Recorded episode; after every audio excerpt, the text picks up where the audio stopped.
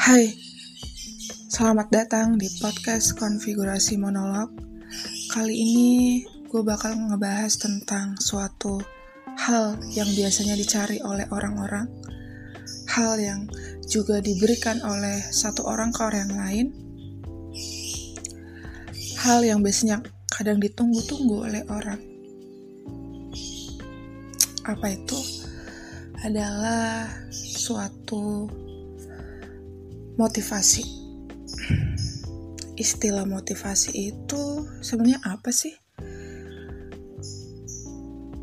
Motivasi itu sih identik kayak kata-kata semangat, kata-kata dorongan hidup, kata-kata yang bikin kita uh, bangkit, kata-kata yang bikin kita penuh energi untuk melakukan sesuatu. Ya intinya uh, perlu semangat lah gitu kayak contohnya kayak eh beri gue sih uh, motivasi gitu.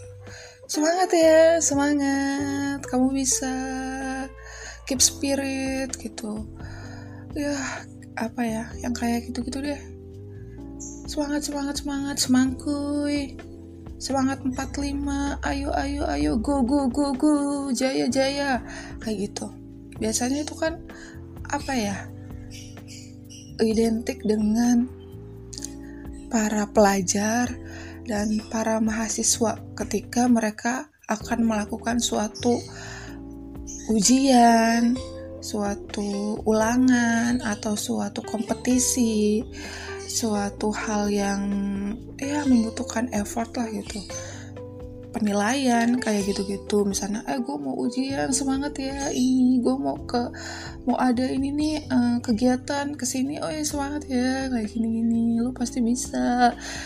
Um, menurut gue dalam hal ini ya sudut pandang gue di sini itu mungkin sedikit berbeda sedikit lain gitu dari orang mungkin. Yang gue bakal di sini yang gue bakal bahas gitu opini gue adalah kata-kata uh, itu bullshit. Kata-kata itu menurut gue nggak mempan dan kata-kata itu cuma kata-kata. Semangat semangat semangat itu cuma kata-kata.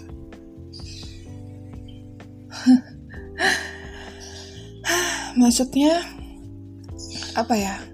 Uh, dalam hidup ini jika kita melihat secara hakikatnya gitu ya manusia itu hidup pasti punya tujuan ya kan? Nggak mungkin dia pasti punya alasan maksud gue pasti punya rencana itu kan dalam dirinya sendiri. Uh, setiap orang itu tidak mungkin melakukan sesuatu tanpa alasan. Ketika mereka sudah sadar, ketika mereka sudah menjadi manusia, atau bahkan ketika mereka sudah critical thinking, menurut gue mereka itu nggak butuh lagi sih kata-kata kayak gitu. Nggak butuh lagi sih penyemangat penyemangat yang receh kayak gitu. Kenapa? Karena dalam hidup gue nggak mempan. Kata-kata kayak gitu nggak mempan. Yang mempan adalah tujuan gue tujuan hidup gue apa? Ya kan? Achievement gue apa sih sebenarnya? Gue hidup nih mau ngapain? Moto hidup dulu dah. Moto hidup ini kita apa gitu kan? Biar kita tuh terarah gitu. Maksudnya kayak lo tuh mau apa sih gitu di dunia ini? Dalam kehidupan ini lo mau apa sih? gitu. Kayak kita ya harus sudah punya tujuan hidup.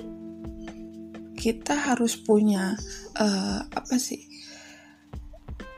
motivasi internal sih. Menurut gue kayak eh lo kasih dong gue semangat dong please. Kayak apaan ya? Itu kayak bohong aja cuma mempan berapa menit habis itu ya udah motivasi itu udah hilang aja gitu kata-kata itu. Karena yang bakalan nempel, yang bakalan awet dalam diri kita ya kita sendiri.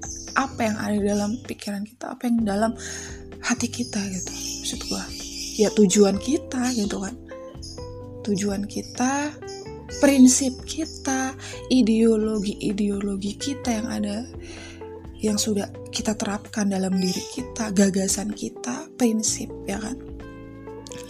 Misalnya prinsip gue itu uh, menerapkan demokrasi keberagaman meritokrasi atau apa pun itulah itu ataupun ya sebelumnya kita juga harus bentuk dong moto hidup kita tuh apa sih? Misalnya moto hidup orang tuh ingin berdaya gitu kan. Misalnya dia ingin uh, kaya ya terserah gitu setiap orang pasti beda gitu kan ataupun ingin uh, kelihatan baik ya udah monggo gitu dan menurut gue di sini adalah kita itu harus sudah punya tujuan dan moto hidup, tujuan, moto hidup, prinsip gitu. Jadi ketiga itu sih yang kita butuhkan gitu. Bukan cuma kata-kata semangat kayak gitu nggak. Ketiga itu yang kita perlu ada yang sudah harusnya udah ada nih dalam diri kita gitu sejak harusnya udah sejak sekolah lah gitu ya at least harusnya udah dibentuk dari sejak SMP sih apa moto hidup kita, apa tujuan hidup kita dan apa prinsip-prinsip yang kita pegang gitu. Tapi kebanyakan kita telat sih untuk menentukan itu. Kayaknya menurut gue pribadi nih ya kayak menentukan itu baru sekarang gitu. Karena gue baru sadarnya sekarang gitu teman-teman. Lo pasti tahu kalau lo dengerin podcast sebelumnya. Uh, dan kita itu punya karakteristik yang berbeda dengan orang lain gitu kan. Ya mungkin orang lain mempan dengan hal-hal yang kata-kata yang seperti itu gitu kan. Kayak contohnya mereka minta diberi semangat gitu kan sama orang lain. Terus nih yang gue bingung misalnya mereka nontonin motivator-motivator di TV ya atau di mana di YouTube kayak kayak aduh gue perlu ini motivator kayak Mario. Contoh misalnya dia nontonin uh, eh, 10 kata bijak Mario Teguh 10 kata-kata Mary Riana kayak gitu tuh motivator yang Indonesia gitu kan ada kan biasanya. Quotes quotes kayak hidup ini harus ini ini ini. Ini kalau tidak ini adalah ini gitu. Kamu ini ini menurut gue ketika gue nonton itu sekarang nggak mempan sih. Nggak mempan lagi di dalam diri gue gitu. Maksudnya gimana? Maksudnya kata-kata motivasi yang kayak gitu ya udah nggak masuk gitu dalam diri gue kenapa? Karena gue udah punya kamu sendiri gitu dalam hidup gue gue udah punya tujuan yang tujuan gitu kan yang uh, terstruktur gitu yang jelas lah at least gitu. Udah punya moto udah punya juga hmm, prinsip-prinsip lah itu yang harus dilakukan adalah bukannya mereka minta motivasi atau mencari motivasi tapi mereka harus membentuk tujuan hidup mereka sendiri. Mereka harus mencari apa sih yang bikin gue wah gitu gue melek apa yang bikin gue getar gitu apa yang bikin gue bangkit gitu. Ya kan? Tujuan hidupnya harus dibentuk.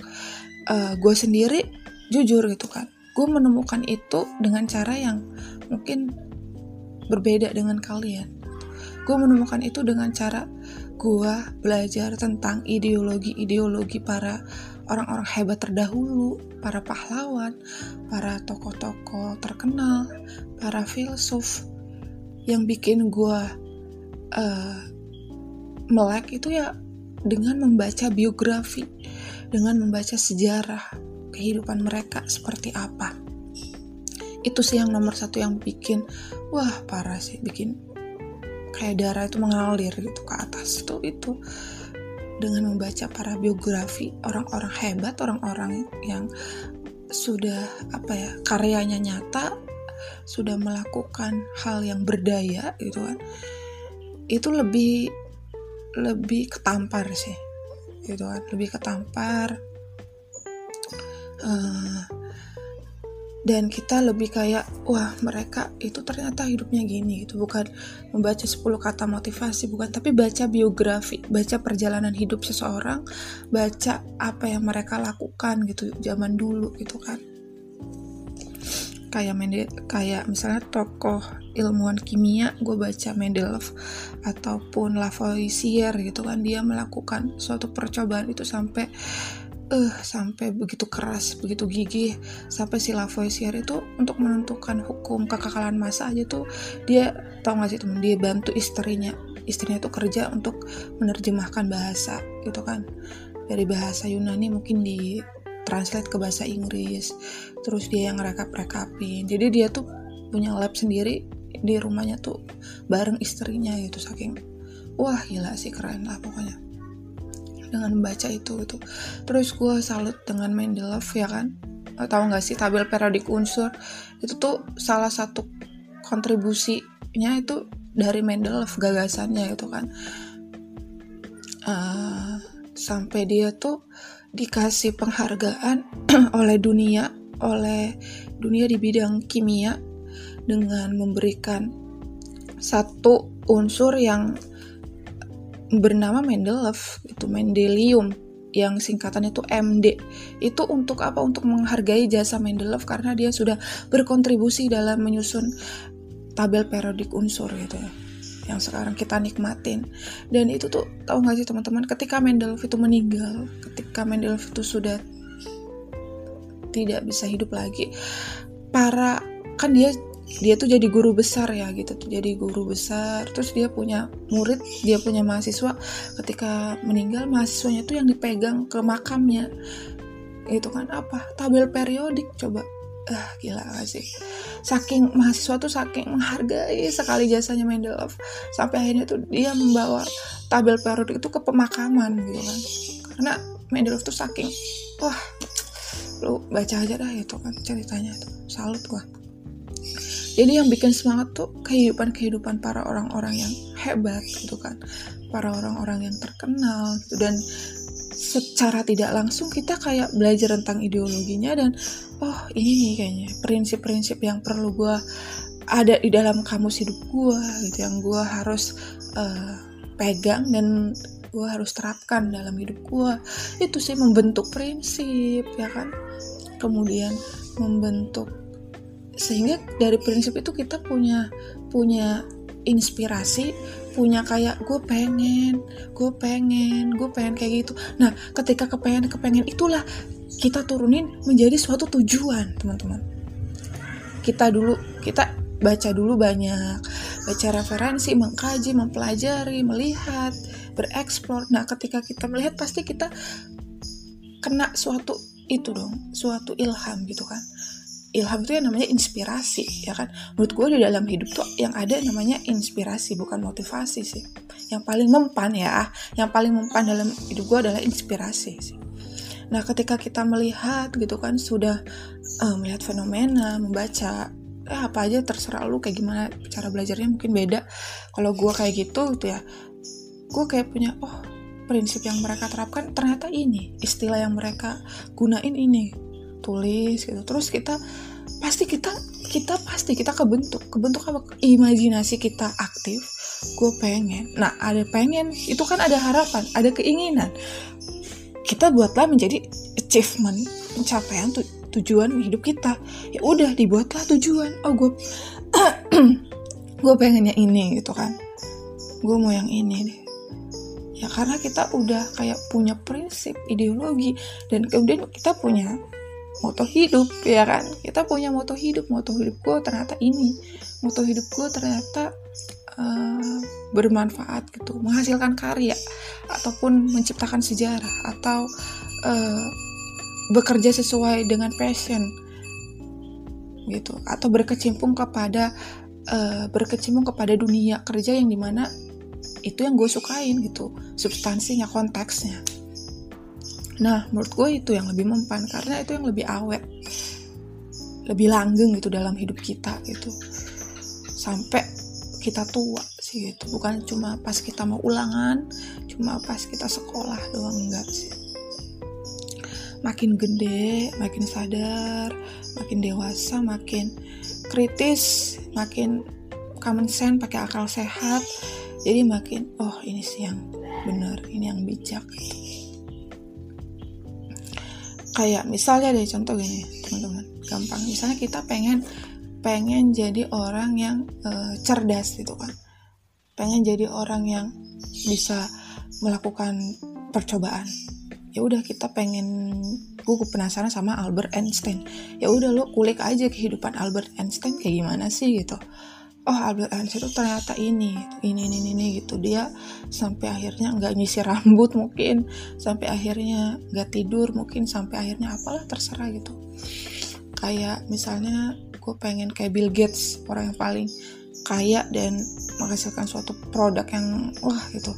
Hidupnya kayak gimana sih? Oh ternyata gini. Ya udah kita lihat aja sedikit biografinya. Itu sih menurut gue uh, sekaligus di sini gue juga mau ngebahas tentang orang hal yang sesuatu yang orang-orang cari sesuatu yang orang-orang kejar sesuatu yang orang-orang ingin miliki ingin capai.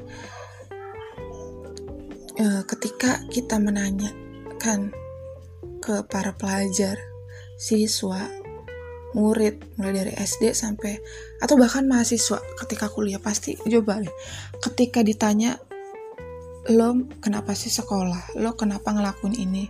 Lo hidup buat apa? Pasti ada aja statement dari sekian banyak orang tuh yang menjawab gue pengen sukses. Oke? Okay? kata sukses itu pasti selalu ada dimiliki moto hidupnya oleh para orang-orang ya kan? Terlebih para pelajar dan mahasiswa bahkan orang yang gak sekolah juga pengen sukses. Atau bahkan orang yang udah selesai sekolahnya selesai kuliahnya itu pengen sukses. Bapak-bapak ibu-ibu yang udah rumah tangga juga. Apa sih sebetulnya sukses ini gitu? Dan kenapa orang-orang tuh ingin mengejar sukses itu? Ya kan?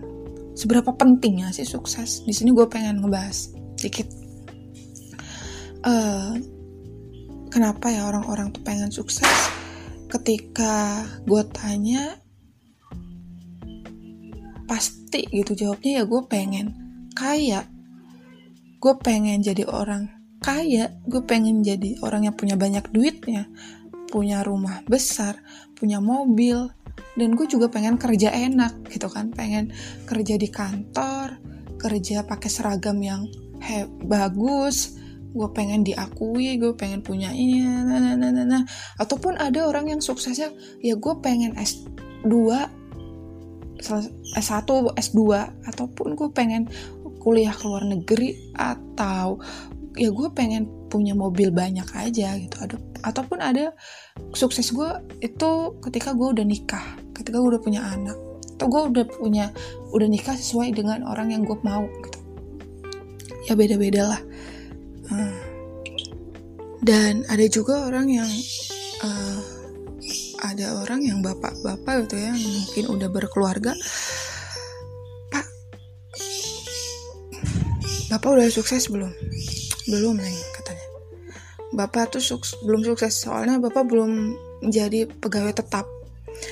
Dan ada juga orang yang pengen sukses tuh ketika dia udah menjadi pegawai yang tetap gitu karyawan yang tetap yang permanen gitu kan maksudnya. Setelah gue pikir-pikir ternyata kata sukses tuh beda-beda ya. Mulai dari anak-anak orang-orang tua biasa pelajar mahasiswa. Dan gue juga pernah nanya itu ke bocah SMP gitu. Lo mau apa sih lo gue mau itu dulu lah gitu ya. Gue pengen bisa kuliah tapi sesuai dengan jurusan yang gue mau. Atau gue pengen bisa kerja ke luar negeri atau gue pengen kerjanya di Jakarta atau gue pengen jadi kerja di rumah sakit ini atau gue pengen punya dagangan yang brand yang hebat brand yang bisa menjawab masalah atau ya dagangan atau jadi wirausaha pengusaha gitu. Jadi apa ya setelah gue pikir kembali setelah gue kayak mengumpulkan semuanya itu kayak wah ternyata kata sukses itu diartikan berbeda-beda oleh setiap orang. Ya kan? Orang ini punya kata sukses yang beda orang ini beda orang ini beda orang ini beda. Ada yang pengen punya rumah ada yang pengen punya pekerjaan ada yang pengen kuliahnya dulu. Ada yang pengen punya anak itu ketika mereka belum punya anak ada yang pengen nikah dulu. Ketika mereka belum nikah gitu yang emang udah kerja. Oke okay, itu kesimpulannya yang gue dapat adalah definisi sukses itu berbeda untuk setiap orang ya kan? Jadi setiap orang tuh punya arti yang beda tentang kata sukses. Dan uh, artinya secara tidak langsung sukses itu bersifat subjektif tergantung orangnya. Kita harus melihat pada tingkat individu nih kayak contohnya gini kita nggak bisa misalnya definisi sukses gue adalah gue bekerja sesuai apa yang gue mau sesuai apa yang gue pengen passion gue gitu. Dan gue itu kayak nerapin definisi sukses gue ke orang lain. Padahal orang lain itu definisi suksesnya adalah mereka pengen punya uang di 50 juta misalnya. Ya nggak bisa karena mereka karena teman gue tuh misalnya definisinya tuh pengen kaya dulu bukan pengen kerja sesuai apa yang mau. Terserah mungkin kerjanya ya biasa aja gitu. Ternyata ya berbeda-beda definisi sukses itu teman-teman. Nggak ada yang sama. Ya kan? Kita nggak kita nggak jangan standari sama apalagi kita samakan definisi kita dengan orang lain gitu. Kayak wah lu belum punya rumah ya berarti lo belum sukses dong. Eh ya mungkin definisi sukses dia bukan rumah dulu tujuan utamanya. Mungkin ya dia pengen punya produk pengen punya dagangan. Ya udah kita harusnya tanya dulu lo ap, apa sih menurut lo sukses itu? Ya menurut gue gini oke okay, gitu. Jadi berbeda-beda. Gitu teman-teman jadi jangan samakan bahwa orang-orang kayaknya belum pada sukses ya lo belum masuk aja dalam pikirannya. Lo belum tanya lo belum dialog lo belum apa lo udah menghakimi gitu. Udah kayak menyimpulkan kayak pelajar gitu. Ah ini anak-anak masih pada ini. Ya mungkin definisi suksesnya mereka udah bisa paham materi ini mungkin mereka udah sukses. Udah masuk sekolah yang mereka inginkan ya mungkin tahap satu mereka udah sukses itu uh, jadi menurut gue semakin kita gede lagi teman-teman semakin kita dewasa semakin kita critical thinking semakin kita tuh melihat segala sesuatu tuh pada sudut pandang yang berbeda-beda. Kita pakai spektrum yang beda karena ternyata society ternyata suatu zat itu kompleks ketika kompleks maka spektrumnya banyak ketika banyak maka kom maka kita harus fokusnya pada tingkat individu dan itu hasilnya subjektivitas. Kita nggak bisa samakan semuanya dengan hal yang kita pegang. Pasti orang lain punya arti yang beda menurut gue itu. Sukses itu nggak bisa ditentuin orang lain artinya sukses yang tahu lo sukses apa enggak ya diri lo sendiri. Ya diri lo sendiri karena lo yang lo yang membuat definisi itu. Lu jangan minta definisi ke orang lain cuy. Sukses itu apa cuy? Ya kalau orang lain mungkin sukses itu gue punya udah nikah ya kan misalnya. Menikah dulu cuy gitu. Ya gue ya gue harus buat definisinya sendiri. Kita nggak bisa minta orang lain buat menentukan sukses kita udah sukses apa belum. Karena definisinya balik lagi berbeda definisinya nggak sama artinya nggak sama. Standar kita beda parameternya beda cuy. Uh, ya itu aja sih. Uh, mungkin itu aja. Semoga lo bisa dapetin point of view-nya dari podcast ini. Lo udah bisa ambil sendiri maknanya apa. Uh, pesan gue